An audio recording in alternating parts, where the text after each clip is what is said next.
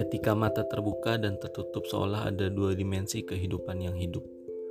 Dalam nyata, realita akan kehidupan nyata seolah menuntut pikiran berpikir lebih keras untuk melangkah dan menetap kehidupan yang lebih baik untuk dicapai.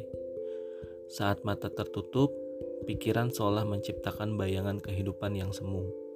Dalam bayangan fiktif, seolah kehidupan yang ada dalam bayangan lebih banyak memberikan senyum ada dalam kehidupan yang bebas kita susun, mereka yasakan kebahagiaan dan senyum dalam bayangan mata.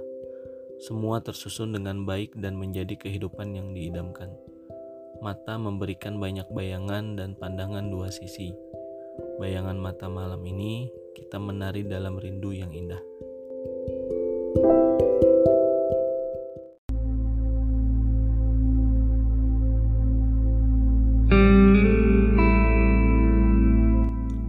Rayuan yang memukau dan membuat mata tak kuasa menahan.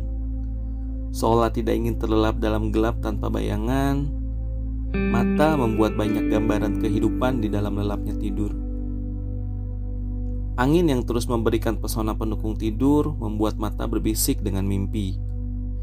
Bisikan mimpi yang menemani lelapnya tidur mata dan memberikan banyak gambar orang-orang di masa lalu membuat raga tersadar akan pesan rindu yang coba disampaikan oleh bisikan impian.